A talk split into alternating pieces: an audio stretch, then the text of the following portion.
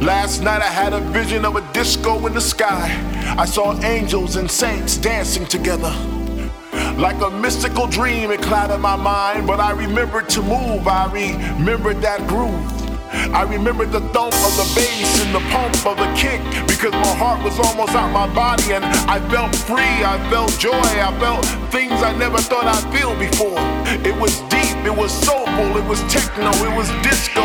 A kaleidoscope of sound. It was truly underground. It was an essential mix in the clouds where we could dance and sing out loud. It was New York, Ibiza, and Miami all wrapped up into one.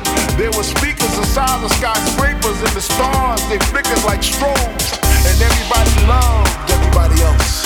There was no hate, there was no sorrow, there was no. And like children, we danced and we laughed and we played without a care in the world, without a flicker of despair. It was all about house music. It was that thing that we shared. A tribal feast of rhythm, a ceremony of sound, the gathering of the spirits that would lift us off the ground. My vision was so clear.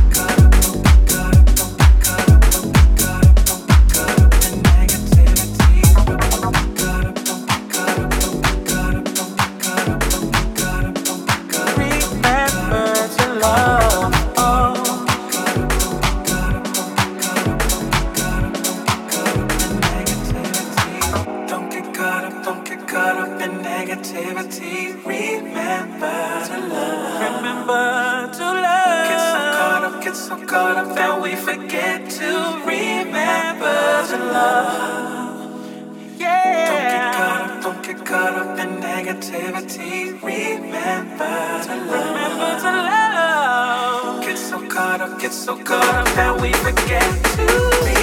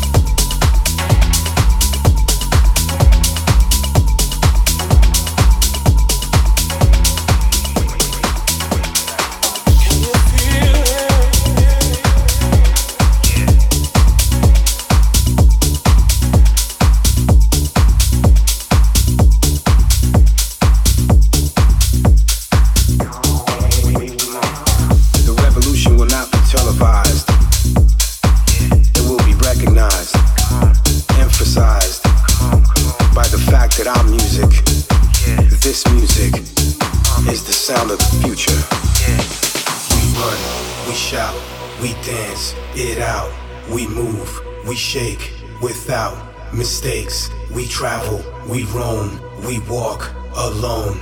We stand, we fight. We rave tonight. We rave tonight. We rave tonight. We rave tonight.